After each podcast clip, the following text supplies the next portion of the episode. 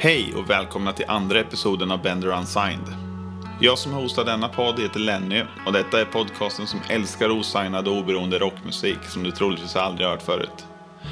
Förra episoden gästades av metalcorebandet Normandie som valt att lansera sin musik på sitt egna oberoende sätt. Missa inte det för inspiration och ruggigt bra musik. Jag måste även passa på att tacka för ditt stöd efter första episoden. Era lyssningar och recensioner på iTunes gav oss fantastiska placeringar på iTunes-listan som resulterade i fler lyssnare som jag inte hade nått annars. I denna episod gästar jag skivbolaget Gaphals och där får vi höra Kai Sivervik redogöra för hur de som skivbolag arbetar och eh, hör honom också snacka engelska med tysk brytning. Besök Bender Sign på Facebook eller Soundcloud ifall ni vill ha info eller ställa frågor. Eller prenumerera på podden på iTunes så du inte missar kommande släpp. Nog snackat, sparka igång vinjetten.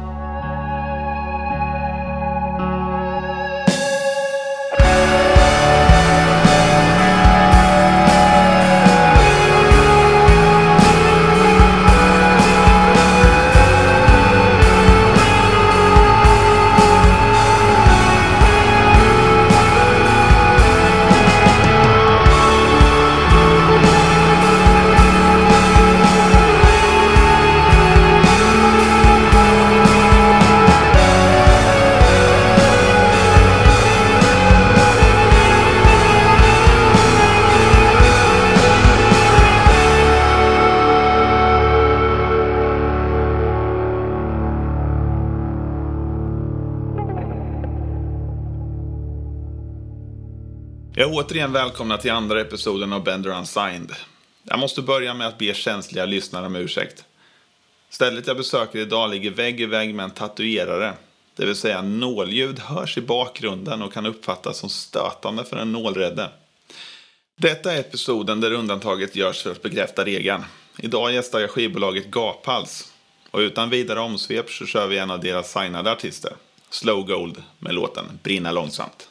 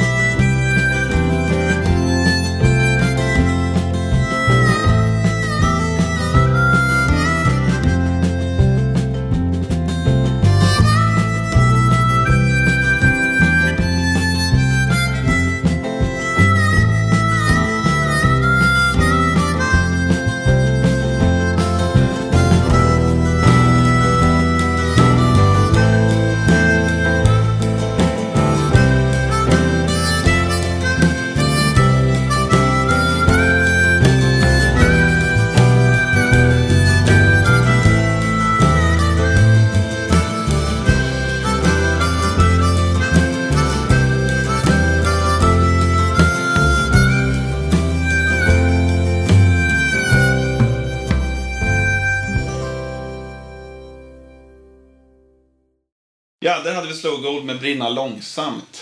Ja, Okej, okay. Eh, kan du presentera Slow Gold? Slowgold är en fantastisk artist från Göteborg som eh, det är egentligen alter egot till en eh, tjej som heter Amanda Werner som eh, har börjat ta sig fram mer och mer och, väldigt låg eh, stämt eller man ska säga musik men med väldigt poetiska texter som jag tycker man har fastnat för. Eh, när jag först hörde det så var det kanske inte texterna som jag fastnade för direkt utan det är ju mer jag har lyssnat på det texterna kommit fram och jag börjar intressera mig för det så är det faktiskt det som har varit den stora behållningen utav det. Men verkligen en av Göteborgs kommande storheter som mm, hon fick Totta Näslund stipendiatet om jag inte minns helt fel här nu tidigare i år. Eh, vilket, vilket verkligen har lyft det hela väldigt mycket nu. Eh, och ja, vi har ju släppt en skiva med henne och det här är ju från en kommande EP som släpps vilken dag som helst här. Ja, häftigt. Du då Kai, du kan presentera dig själv lite grann. Vem är du?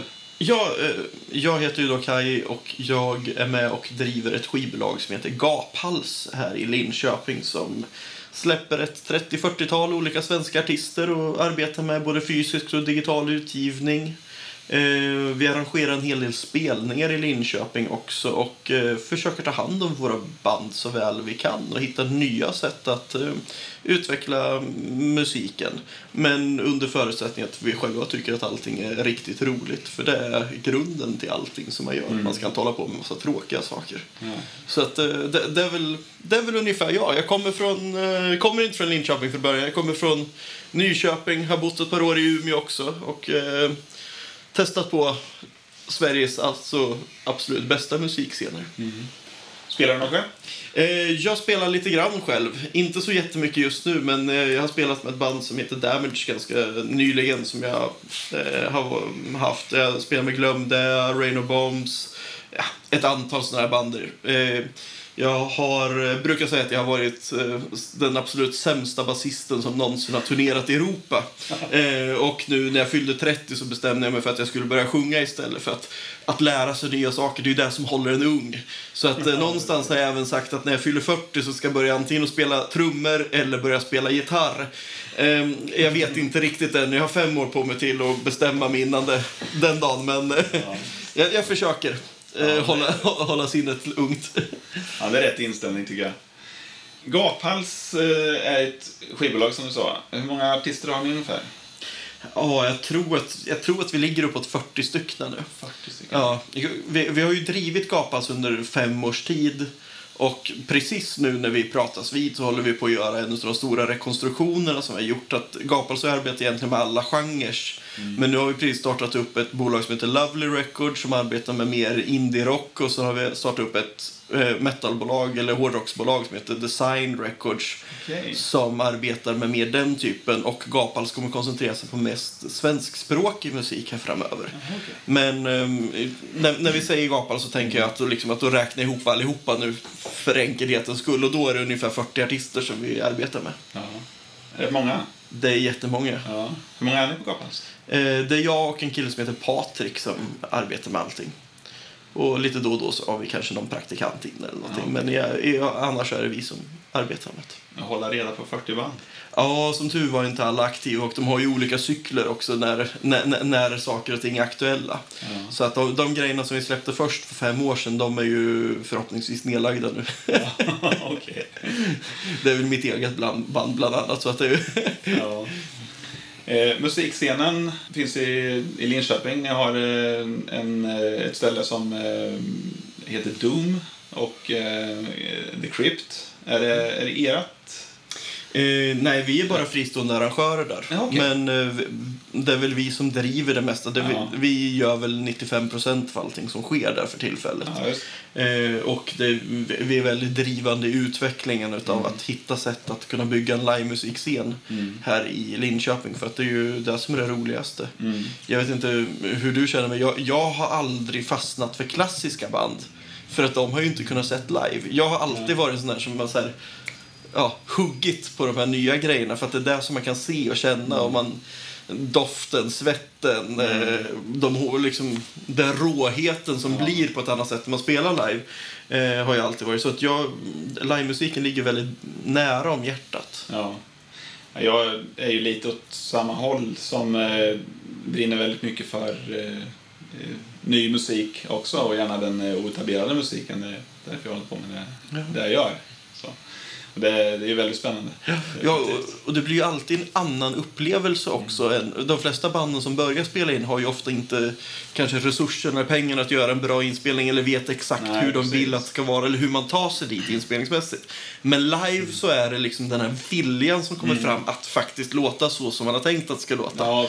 Och det gör ju att när man får ta till sig både doft och smak och eh, hörsel så blir det många flera saker. Det är ungefär som att sitta och kolla på en LP-skiva. Ja. Att det blir ju liksom, då får man flera olika eh, vad, ska man, vad he- vad heter det? intrycket Ja, av det. absolut. Som gör att man blir liksom mer och mer peppad.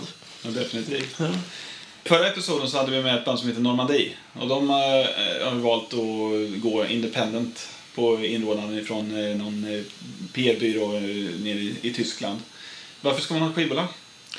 Det finns faktiskt inte den blekaste liksom, vettigt orsak idag för att man ska ha ett skivbolag. Eh, men eh, ska, ska man gå liksom till slut, eh, slutanledningen någonstans så bru, brukar det bygga på att folk är ganska odugliga överhuvudtaget och vill inte hålla på med administration. Och då är det mycket lättare att liksom lägga allting på ett bolag som har koll på alla de här små sakerna. Men det som bolagets uppgift egentligen är, det är ju egentligen bara att genomföra logistik och att kunna eh, dra någon form av mängdnytta utav att arbeta med mycket olika artister där man kanske har kunskap om vad för saker som ska göras i vilken ordning. Men i stort sett är det ju bara logistikföretag. Det är ingen skillnad på ett skivbolag idag eller Schenker. Alltså så konkret är det ju. det är en sån här klassiker. Så att har du en CD-skiva med musik på och säljer det. Du säljer ju inte musiken, du säljer egentligen bara plastbiten. Hur du lyssnar på musiken, det är egentligen det här som är intressant. Så om ingen lyssnar på musiken på plastbiten så är det fortfarande bara en plastbit. Ja. Om du vill ha 120 kronor för den för att, för att du säger att det är CD, det spelar ju ingen roll. Så, att, så att skivbolag är ju... Idag så brukar man ju inte prata om skivbolag som skivbolag utan man brukar ofta prata om musikbolag istället. har man ju döpt om det till lite fint här nu. Eh, men som sagt vad det skivbolag är ju en sak som kan fylla en väldigt bra funktion för rätt band. Men det kan vara totalt onödigt för andra. Ja, en bra beskrivning. Apropå att sälja plastbitar av CD-skivor, gör man det i Sverige? Ja, nej, nej, nej. I Sverige gör man inte det. Vi, vi, vi, har ju, vi har gjort lite försök, men vi säljer ganska mycket CD-skivor. Men det är ju Tyskland. Ja. Eh, det var, när vi fick den första tyska distributören så var det ungefär det första som, eh, som vi fick höra från dem. Det var ju det så här, eh, på något lite snällt sätt att bara, you know, In Sweden you might not sell CDs and vinyl might be very popular, but here in uh, Germany We really sell CDs. You should press CDs. och, och där tänkte man ju så här, hoppa, ja, ja, vad fasen. ja, då får vi testa det. Ehm, och, och det har ju funkat ganska bra. I Tyskland så är ungefär 80% av alla intäkter från musik, alltså inspelad musik fortfarande CD eller vinylförsäljning jämfört med att 85% är Spotify i Sverige. Mm. I Tyskland så är det under 5% som jag tror är alla digitala streamingtjänster tillsammans. Ja, okay.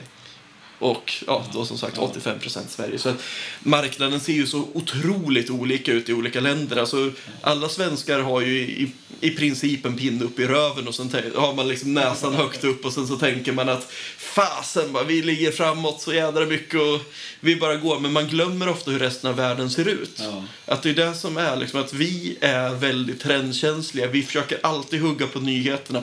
Och det är därför som Sverige också har utvecklats och det är därför vi har Spotify. Vi har ju den här, eh, vad heter den, eh, som man sitter och pratar med över, inte chattfunktion, men det där som är som en telefon med bild. Eh, det, det, det är ju också svenskt från början. Vad fasen är det det heter för något? är det WhatsApp eller? Nej. Nej, inte WhatsApp som jag tänker på. Jag tänker på det andra som man alltid pratar med. Vi brukar ha alla bandmöten över det. Ja, men eller Så att det är ju Skype. Skype, precis. det var den sämsta förklaringen av Skype jag någonsin har gett, tror jag. Men, Ja, jag fattar. Till slut. men, men det är också så, man har ju alltid liksom jagat efter de här nya nymodigheten och det är det som har gjort att utvecklingen gått framåt. Vi har haft väldigt mycket saker som också har fått utvecklingen att gå framåt, men det betyder också att man ofta glömmer bort resten av världen. Och det är ju på det sättet, där, där har vi också skivbolagens kanske bra grej. Där kan man vara så konservativ som man liksom sitter tillbaks och drar tillbaks. Nej, nej, nej, nej, så här får ni inte göra. precis. och det är ju ingen positiv egenskap överhuvudtaget. Det där var bara ett skämt. Ja, härligt. Ja, Vi... Eh, ja, ja jag har ju till och med glömt bort frågan. ja, det är lugnt. Vi, vi hakar på frågan igen sen efter att vi eh, spelar eh, den andra låten. Ja, nu blir det purfärsk rock'n'roll från Linköping med Shit Baby Mammals. Vi har Erik Andersson och Joakim Eidholm i en duo och eh, de beskriver sin musik som en käftsmäll på ett lågstadiedisco. En låt som de önskar de har skrivit är Total Eclipse of the Heart. Och vi kan hitta dem på iTunes, Amazon eh, och Spotify såklart. Vi hittar dem även på Facebook och Instagram och snart på vinyl. Kommande spelningar är på PSB, gamla Pet Sound Bar i Stockholm den 26.11. Så missa inte det. Så här kommer Shit Baby Mammals med Like an Ostrich.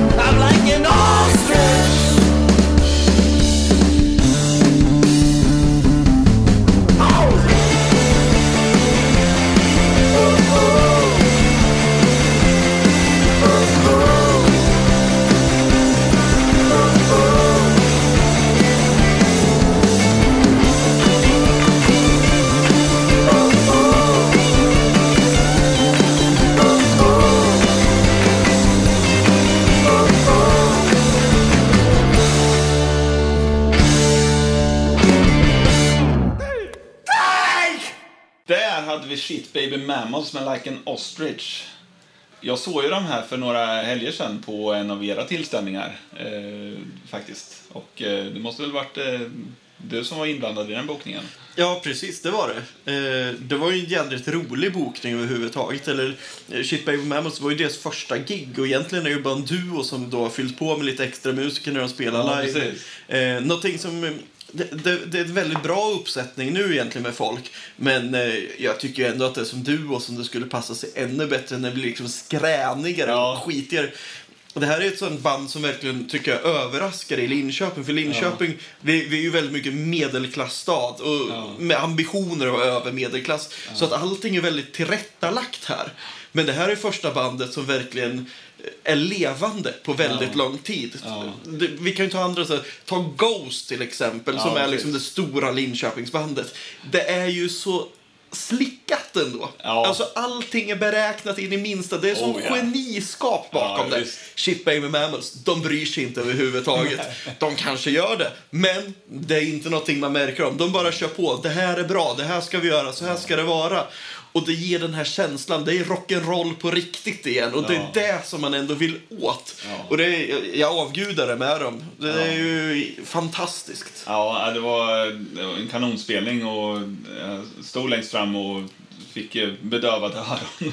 Jag var tvungen att hugga sångaren direkt efter spelningen och, och presentera eh, podden och, och sen så tog vi en vidare kontakt. Jag tror för övrigt att det var första gången som han sjöng. Jaså? Ja, live. Okej. Och Att han var jättenervös Ja. innan, för det verkade som det. Ja, det var lite så. Men, eh, men Han gjorde det ju bra. Ja, men han hade ett riktigt skönt driv liksom. Ja. Ja, ja det, var, det var kanon liksom. Ehm, vad ska man säga? Om man tittar tillbaka lite i tiden då, från kanske 90-talet eller något sånt, när skivbolaget hade en mer eh, kanske central roll och tekniken inte var lika utbredd. Hur, eh, hur ser du på den här resan fram tills idag? Eh, jag är ju tyvärr inte riktigt så pass gammal så jag skulle kunna uttrycka mig på ett bra sätt runt det här. För att när, när jag började släppa den första musiken som jag släppte, det var år 2000. Okej. Och det var precis när allting höll på att haverera totalt. Ja. Så jag kommer nog in i en, kanske inte absolut sämsta tiden, men typ två år innan. Ja. Jag hade absolut de sämsta förutsättningarna någonsin i alla fall. Eh, så att jag, jag vet inte riktigt så jättemycket, men det som, när jag kollar tillbaka och när man pratar med människor och man lär, försöker lära sig de här grejerna så tycker jag det som är den stora skillnaden, och egentligen är det innan 90-talet också, mm det var ju att det var mycket svårare att fabricera musiken. Alltså att få själva skivorna. Det fanns inte en möjlighet för människor att få ut plattor. Nej. Så det spelar ju ingen roll om musiken var bra eller dålig. Den sålde ändå. Ja. För att hade du ett dåligt heavy metal-band, det var ändå ett dåligt heavy metal-band. Mm. Det fanns tre heavy metal-band att välja mellan det året som hade sina släpp. Så att det var såklart att du fick köpa det dåliga för du skulle ju lyssna sönder det bra också. Och på det sättet har ju, jag tror att det var där liksom på 90-talet så blev det den stora skillnaden när det blev mer och mer independentbolag. De lärde sig göra de sakerna själv. Det blev lättare, det blev mer publikt att kunna trycka skivor. Och det gjorde ju även att nya genrer kom fram. Alltså det, vi ser ju 90-talet handlar ju egentligen bara om subkultur. Eh, och på det sättet så är det ju väldigt liksom roligt. Alltså, 94 brukar man ju prata om var någon sån här form av guldår. Liksom när allting liksom exploderade. Och jag, jag var 14 år då. Alltså det var ju liksom drömmarnas rike och land någonstans. Det fanns ju all musik som man aldrig hade kunnat tänkt sig skulle finnas. Och det var ju på grund av att alla kunde helt plötsligt släppa det. Trots det så fanns det ju liksom de här krafterna som var ganska konservativa kvar. Att folk hade ju försökt fått skivkontrakt ganska länge. Så de kanske hade stått i replokalen i sex år innan det hände någonting. Med andra konstellationer eller vad som helst. Så de var ju ändå duktiga musiker. Eh, och det är ju, där har vi ju en ganska stor skillnad från idag. Ja. Och sen en stor skillnad också som jag ser det, det är ju tekniken. Eh, idag så har man ju, eh, man kan ju ha studion i, i, i hemmet Mm. eh, och, och kunna producera själv eh, en, eh, ja, en, en produktion som, är, som kanske låter bättre än vad den gjorde eh, back in the days. Eh, Ja, i alla- alla fall om vi pratar kvalitetsmässigt. Ja. Men det behöver ju inte låta bättre i nej, slutresultatet. definitivt inte. Nej, nej, det är ju en jätterolig grej. Jag, tror att det var, jag, var, jag var på studiebesök, jag tror att det var i Polarstudion tror jag det är, som det heter uppe i Stockholm. Och Så var det någon som frågade just den här frågan. Liksom här, hur kommer det sig att allting som inspelades på slutet av 70-talet, början av 80-talet låter så mycket bättre än vad det gör nu? Det spelar ingen roll var det kommer ifrån. Det låter ju alltid bättre. Det kändes som det var bättre musik till och med. Ja. Var det bättre musik? Och han som satt där i studion bara, ja men så, du, du ska tänka så här att då så hade vi en person, det var jag fortfarande, som var tekniker. Mm.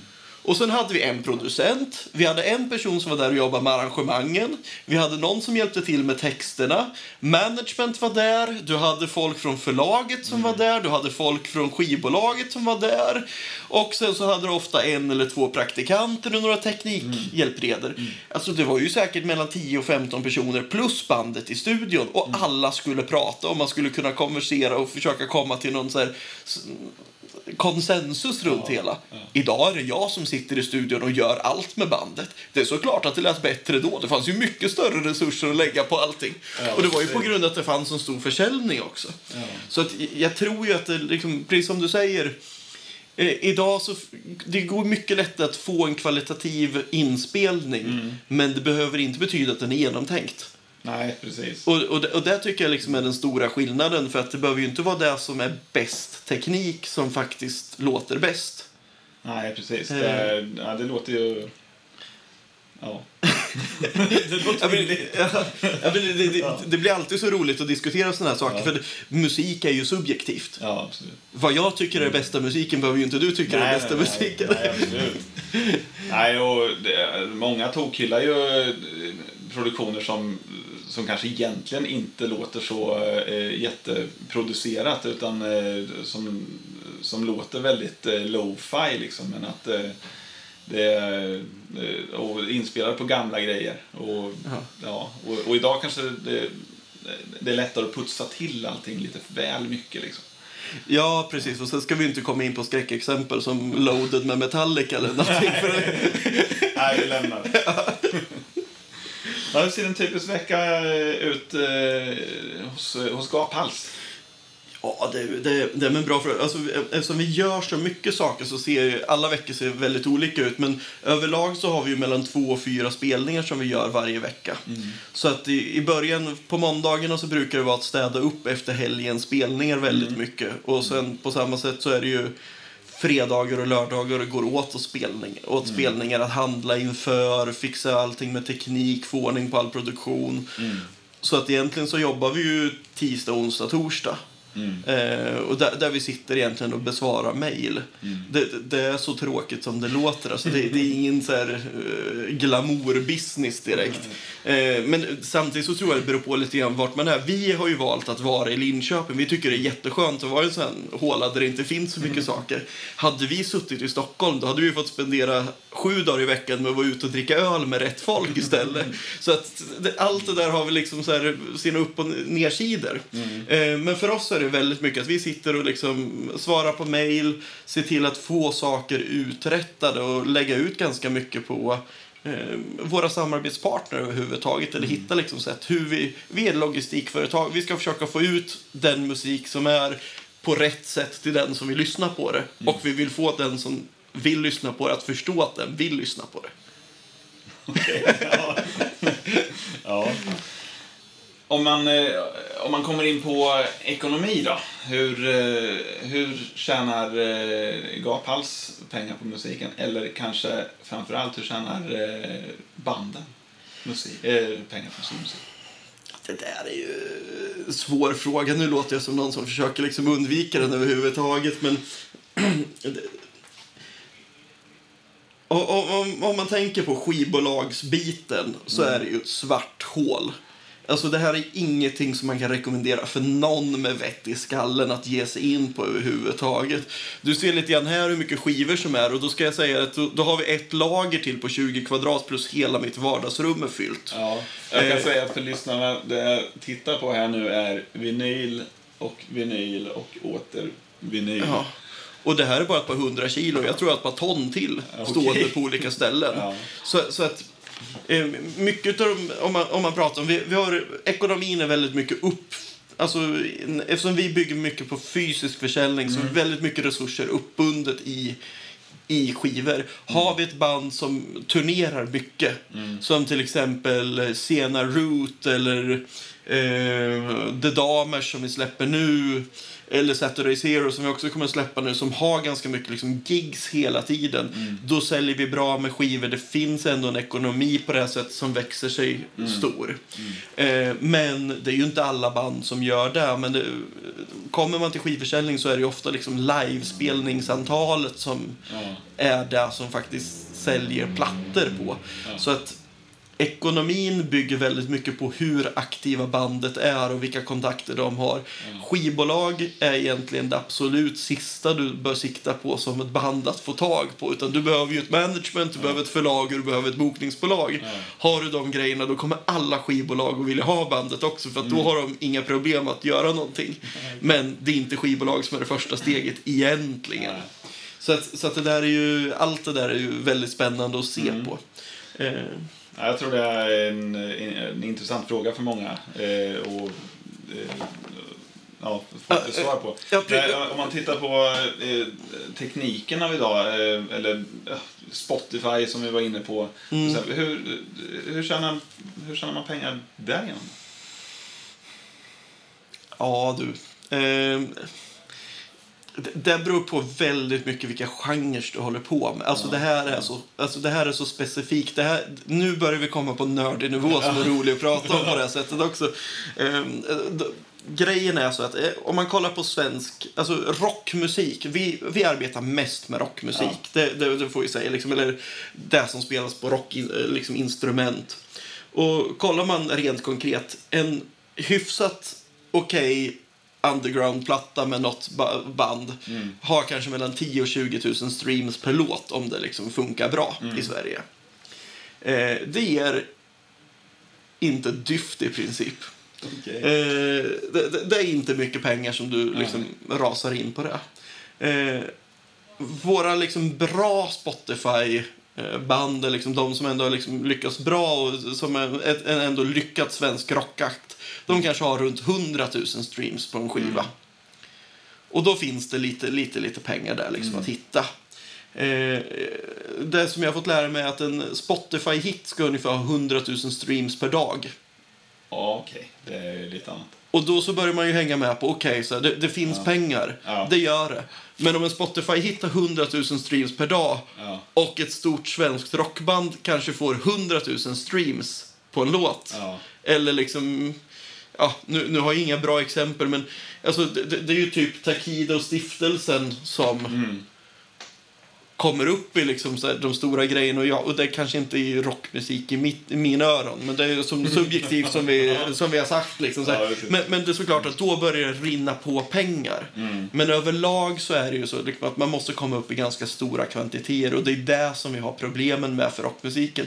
men det är inte sagt att det inte kommer att vara där i framtiden. Ja. För jag tror att det i stort sett är det ju rockpubliken som inte anpassar sig till tekniken ännu. Eh, vi som lyssnar mycket på rock, vi är konservativa jävlar. Mm. Så är det. Och det är därför som fortfarande man säljer mycket skivor i Tyskland, för i Tyskland gillar de rock. Ja. ja, precis. Ehm, och li, lite grann för att liksom knyta an den här frågan och det som du frågade förut med ekonomin. I många fall skulle jag säga att banden tjänar inga pengar på att ha ett skivbolag. Vi brukar alltid säga det till banden. I första hand, tänk så här att skivbolaget kanske kan få er skiva att gå plus minus noll. Men i de plus minus noll så bekostar det promotion-delen för skivan. Och får ni den promotion-delen, då betyder det att ni kanske kan få gigs. Och där kan ni göra pengarna. Så att allting är så här moment som man måste göra. Och man måste se alla bäckar små. Om du inte ser alla bäckar små, då finns det ingen möjlighet att göra några pengar på musiken Nej, överhuvudtaget. Om du inte är ute efter att få någon form av one-hit wonder där du Ja. kan göra. Men de flesta band som jag arbetar Ja. med är inte inne på den biten. Nej. Men jag tror att de, de flesta banden de, eh, de är ju inte så pass driftiga när det gäller allt annat än mus- musiken, för det är det de håller på med. Så de behöver ju hjälp. Ja, nå- nå- någon som staplar upp det här, det här, det- här måste göras innan. Då kanske det är en fair deal i alla fall. Jag, jag, tror det. Alltså grejen är att eh, vi arbetar ju med klassiska independent dealar. Alltså Ja. så mycket kan jag ju säga liksom rakt upp och ner att vi, vi tror ju på samma modell som man ser på liksom amerikanska bolag som Merge Records eller vad fasen som helst. Att när skivan har gått plus minus noll, då splittar man vinsten. Mm. Så att vi gör inga pengar innan bandet gör pengar. Nej, det är ju fair. Ja, det är fair. Mm. Och så tycker jag det alltid borde vara. Mm. Men jag har förstått att det är fler och fler dealar som ser ut så här nu för tiden. Mm. Men så tycker jag det borde vara hela tiden. Ja, intressant. Mm. Då tar vi och eh, lirar den tredje låten i eh, podden. Ja, då var det dags för en Malblessa från Göteborg. Vi har Johan Hasselblom som solartist inspireras av Radiohead, Arcade Fire och eh, franska M83. Han beskriver sin musik som rå, sann, melodisk, melankolisk verklighetsflyktsmusik. En låt han önskar att han hade skrivit är Jealous Guy med John Lennon. Vi kan hitta honom på Facebook och Soundcloud. Här kommer Moll Blessa med Looking at the Heavens. Looking at the heavens, light years away. We don't understand it. All this is away. Darkness from forever. Hidden by the sun. Look for solutions for hope.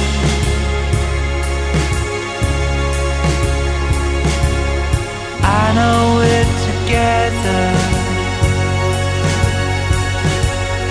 Right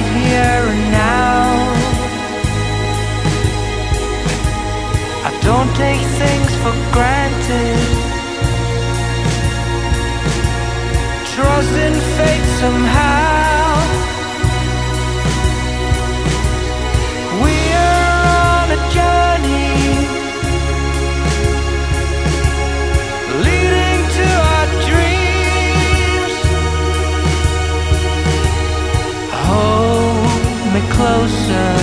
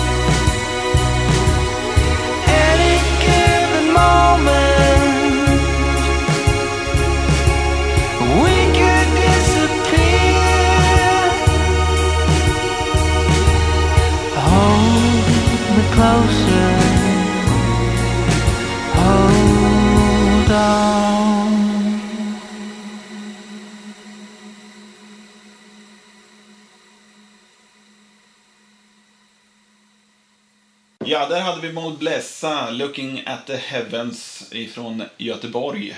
En eh, riktigt soft låt, luftig och härlig. Ja. Eh, Vilken typ av musik är det som eh, Gaphals eh, jobbar med främst? Vi har ju varit inne på eh, lite olika genrer. Ja, precis. Vi, vi har ju egentligen jobbat med nästan allt. Vi har inte jobbat med någon dödsmetall, men det, det ska vi göra nu här för första gången. Och det är ju någonting som vi själva har drömt om ett bra tag. Eh, vi har inte kört någonting med hiphop och vi har väl varit väldigt eh, sparsamma med mycket utav liksom pop-genren och sånt för att, eh, ja, vi, vi är väldigt specifika och snäva inom dem. Lite grann som vi är inne på att vi måste gilla det själva för att det ska funka liksom arbeta. Ja. Men vi vill bara jobba med musik som vi tycker om. Så att vi egentligen, vi brukar säga att vi jobbar med egentligen allt.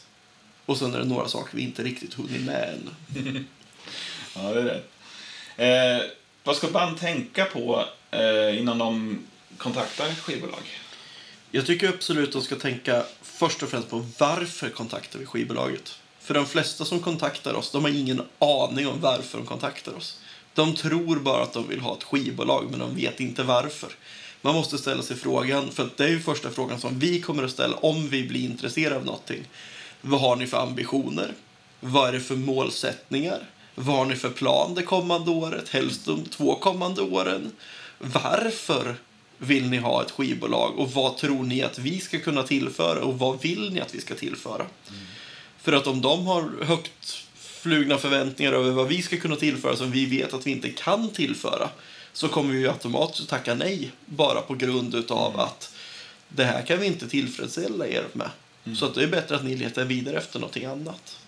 Och mm, många av banden frågar oss, ja, bara kan ni hjälpa till att boka spelningar? Men det är ju inte heller vår roll som ett skivbolag.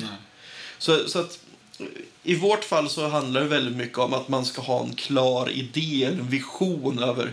Den behöver inte vara färdig, att det här är det perfekta som är gjort, utan man måste, i min värld så ska man behålla hur många dörrar som möjligt öppna hela tiden. Och man ska bara stänga dem när man har ett skäl till att stänga dem eller när det är nödvändigt. I övriga fall ska man liksom försöka hela tiden testa. Var, var, vart kan man liksom gå in den här och vart kommer vi komma då? Men då måste man ändå ha en idé vart man vill komma också för att veta det. Så att i vårt fall så är det väldigt mycket kommunikation med banden. Vad vill ni? Varför vill ni det? Hur vill ni göra det? Varför vill ni inte göra så här? Och varför skulle ni vilja göra detta istället? Och när man diskuterar väldigt mycket så brukar man även komma fram till idéer. Så här skulle vi kunna arbeta framåt. Eh, ja, vi har bara den här låten som är inspelad. Ja, bra. Då, hur, hur hittar vi en plan för att den här låten ska komma så långt som möjligt? Och vad ska det leda till i nästa steg? Finns det en skiva som vi kan spela in? Finns det färdigt material? Ja. Hur mycket band eh, kontaktar er ungefär per, per vecka? Eh, på tok för många, skulle jag säga. Eh, jag tror att det, det, det, när det är som mest så kan det vara två, tre om dagen. Eh, och jag skulle nog säga att det kanske är ett, två band i veckan som borde kontakta oss. Om man ska liksom vara, vara hård. För att, man, för att i många fall så känns det som att man gör det mest för att man tror att det är det man ska göra. Hur kontaktar de er? Via mail. Via mail? Ja. Eh, inspelat material? Ja, i skulle säga 99 fall av 100. Ja. Hur viktigt är det? Ja, annars Hur, hur, hur, ja. hur, viktigt är, ja, jag får omformulera frågan. Hur viktigt är det att materialet de presenterar är eh, riktigt bra inspelat och producerat? Jag brukar alltid säga så att det, det, det här är verkligen en varför-fråga. Mm. Om du har åtta låtar som man har med bandet så är inte alla åtta låtar lika bra. Om du ska presentera det för ett skivbolag så plocka istället ut den bästa låten och spela in den så bra som möjligt. Så att den får så mycket rättvisa som möjligt istället för att presentera åtta låtar varav hälften är dåliga. Eller i alla fall inte så pass bra. För de flesta presenterar det materialet, liksom allt. Men är man psykologiskt smart så presenterar man en grej som gör att vi vill höra mer. Då kommer ju vi bara så, ah, men för fasen, nu måste vi, det här måste bli någonting. Och så är man på. Medan istället så liksom presenterar man kanske 20 låtar där det mesta är eh, kanske som bäst en förproduktion och inspelningen låter som en förproduktion för Ja. att man har ändå bara haft en helg att lägga allting på. Så att eh, hela tiden så är det här, varför gör man sakerna man gör? Eh, det är samma sak att det är jättemycket band som hör av sig och söker spelningar hos oss. Och vi- var inne på det här med hemmastudios. Allting kan ju låta perfekt. Men om, och det har vi ju vi som spelningsarrangörer också tagit till rätta på. Så att bara för att det låter bra på en inspelning så betyder det ju inte att vi bokar bandet. De grejer som låter bäst är ju ofta det som faktiskt är sämst live. För de har ju bara lagt ner tid på att sitta och spela in och gjort en perfekt inspelning men inte repat ihop sig överhuvudtaget. Nej. Så att, så att man måste hela tiden tänka på det. När det är livespelningar som man vill åt och vill att vi ska boka i Linköping så är det bättre att man skickar ett liveklipp i sådana fall med bra ljud och så man ser på att det finns en se- senarvaro i sådana fall. Så att hela tiden tänka efter. Varför ska jag göra det jag gör? Ja, det är bra tips. Vad är det som får Gapals att tända då? Och eh, signa ett band? Ja, alltså... Det, det- här kanske låter riktigt korkat, men jag gillar ju i alla fall saker som är dumma och det som står ut. Alltså, har man någonting som är... Eh, inte passar in i mallen. Det är ju där ofta man kan hitta grejerna. Eh, jag går ofta igång på de sakerna som man inte tänker sig att jag borde gå igång på. Ge mig ett exempel på någon som har kontaktat er och, och stuckit ut ordentligt.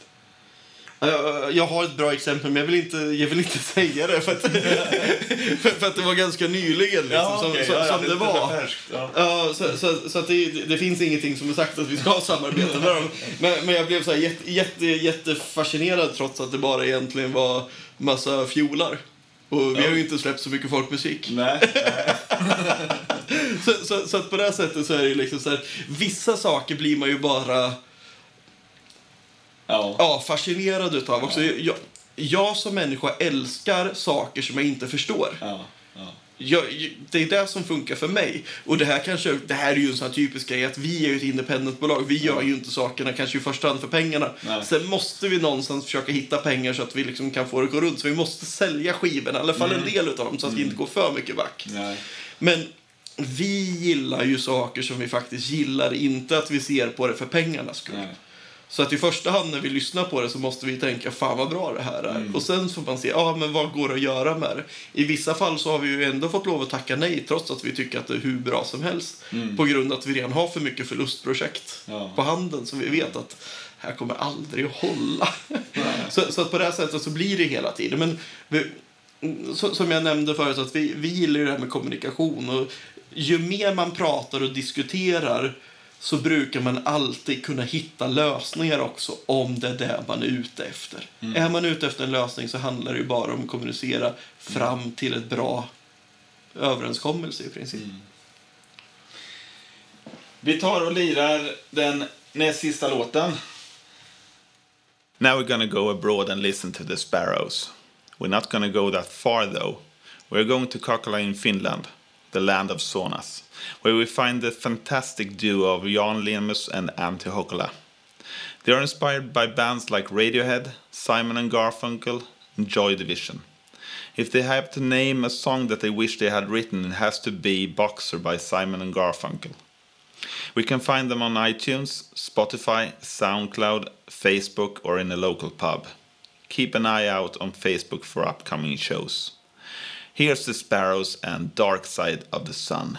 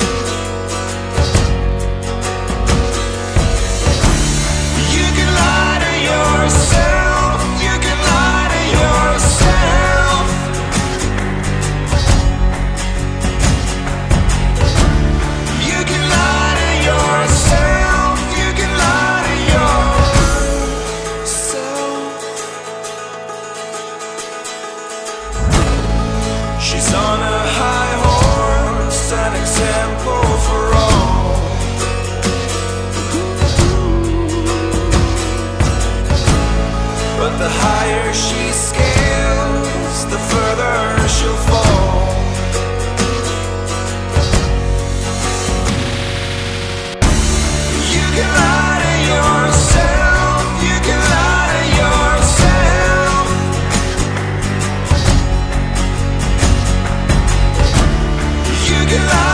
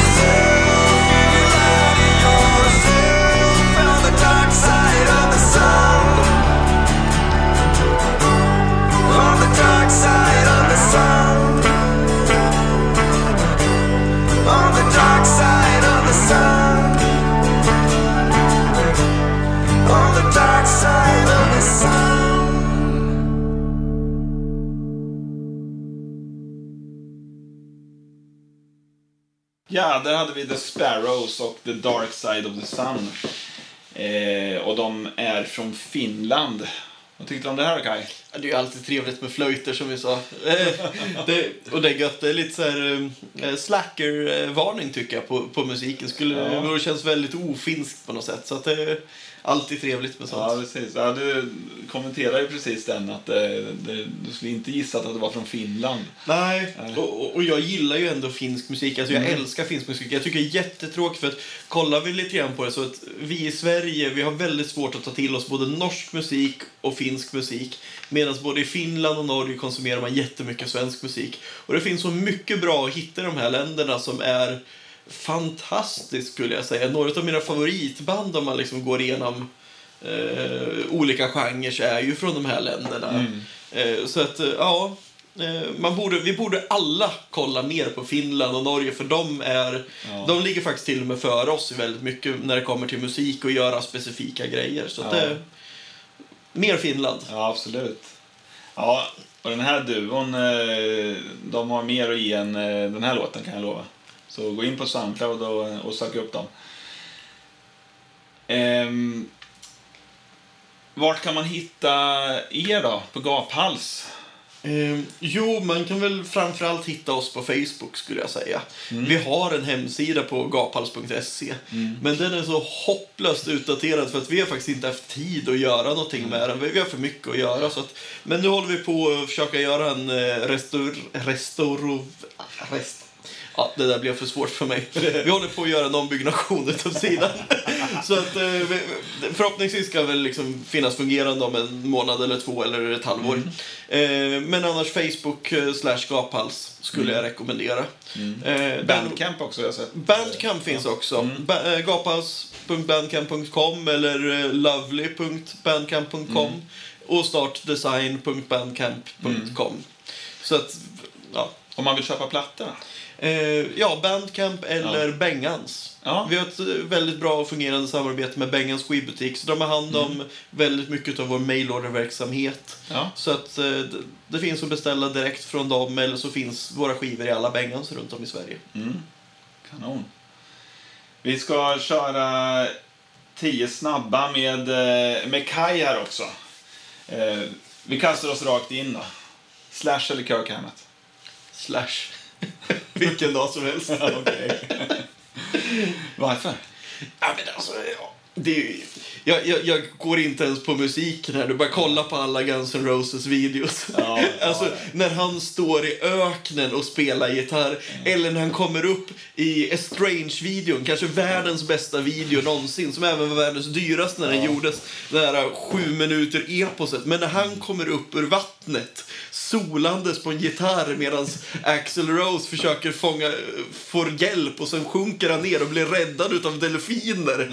Det måste ju vara liksom det mest ultimata som är gjort inom musikindustrin någonsin. Det är liksom min höjdpunkt. Ja. Star Wars eller Star Trek? Ja, Star Wars skulle jag nog säga, men jag, jag peppar allt sånt där. Så att det, egentligen är det ingen eh, större, men ska jag välja så Star Wars. Ja. Stage Dive eller Wall of Death? Eh, stage dive.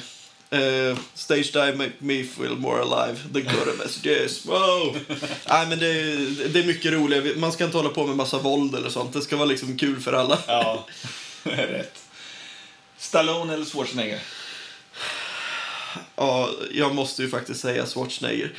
Många gillar ju hans actiongrejer, men Twins, alltså det är Ja. ju en utav, Han är en av världens bästa komiker och han har inte ens mm, tänkt att vara det. Men när han börjar göra komik så skrattar vi tyvärr inte med honom åt, ut åt honom.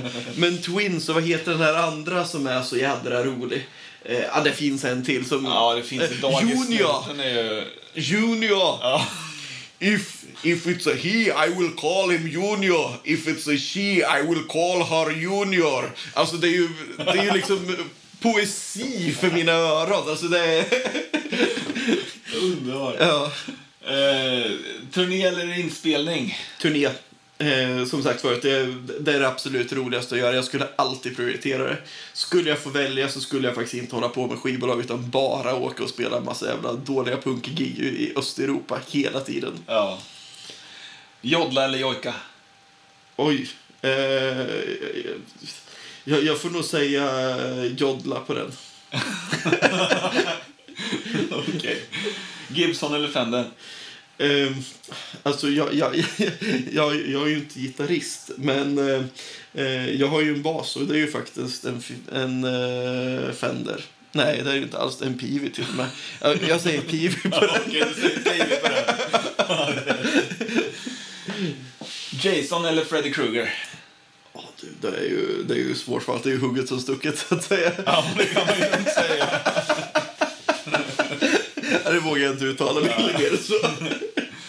Download eller vinyl? Vinyl tycker jag ju absolut. Eh, samtidigt som jag tycker ju download är ganska charmigt också på sina sätt. Men Ja. eh, vinylen kommer ju alltid att slå det på alla sätt. Men det är ju olika sätt att lyssna på musik. Ja, ja så är det Eh, så att, eh, mm, Ja, jag tillhör ju den gamla skolan. Jag gillar ju att hålla i någonting. Liksom. det är ju det. Och läsa texter Ja. på ett omslag. Och kunna, Jag tycker man har förlorat det där så mycket idag. Alltså. Eh, när man var eh, liten kid och man satt med, med omslaget till, jag sa det förra eh, episoden här, men eh, Wasp första plattan och, och liksom eh, kunde drömma sig in i de här dödskallarna och, och jag bara får lukta på vinylskivor som Ja, en ny grej också. Där plastdoften när man bara känner hur giftigt det egentligen är. Ja, Mot sitt bättre vetande. Ja. Det är ungefär som när man var fem år och man skulle köpa lösgodis. Hade man fattat vad man skulle stoppa i sig, det var ungefär som ja, läsa på Pulsa-paketets förpackningsinnehållsförteckning. man gör det en gång, sen äter man aldrig igen. Sista då, klubb eller festival? Klubb. Alltid. Ja. Festivaler är det absolut tråkigaste som finns. Inomhusfestivaler går vid. Men, nej, men jag, jag gillar, när, när jag går och kollar på spelningar Mm. så vill jag se ett band som gör ett jädrigt bra sätt. Som får Mm. göra sitt till minsta liksom, detalj. Och det får man aldrig på festivaler. Det är alltid en anpassning till festivalens... Ja, Så att klubbgiggen är ju liksom guld. Ja, jag, jag kan tendera att hålla med. För många gånger när man varit på festival och man väntat på sitt favoritband och, och de har en viss tid att passa, så när det tackar och gör. Det, det är en annan, det har en annan närhet i, i klubben också. Sen är det ju alltid kul när det blir mycket folk på spelningarna, Ja, men men, fortfarande, det, det, det ska det kunna bli på klubbgiggen också. Ja, men absolut. Och även om det inte blir så där vansinnigt mycket folk så, och klubbarna är anpassade så, så känns det mycket, mycket tajtare och, och som att det är mer folk. Ja. Eh, vi ska avrunda det hela. Eh, jag tackar så mycket Kai för att eh, jag fick ha med dig den här eh, episoden. Det var jätteintressant. Tack själv för att jag fick vara med. Ja. Eh, du kan väl ta de sista orden och presentera sista bandet. Det är faktiskt ett av eh, banden ni har med i ert stall. Precis. Det här är ju då Kniven. Det här är ett av de banden jag pratar om när jag pr- säger ekonomisk katastrof. Det är ett av de här banden vi älskar över allt annat. Vi kommer att gräva vår egen grav med bandet om det så. För det här är det absolut finaste Sverige har att erbjuda. Det här är fullkomligt briljant musik med smarta texter. Det är jädrigt punkigt men rockigt men catchigt samtidigt. Det finns någonting där som bara är större än hela mänskligheten. Eh, den här låten heter Slutet och det är, om jag inte minns helt fel, till och med första låten på skivan. Paradoxalt. Ja, geni! Rakt upp och ner. Här kommer kniven, slutet.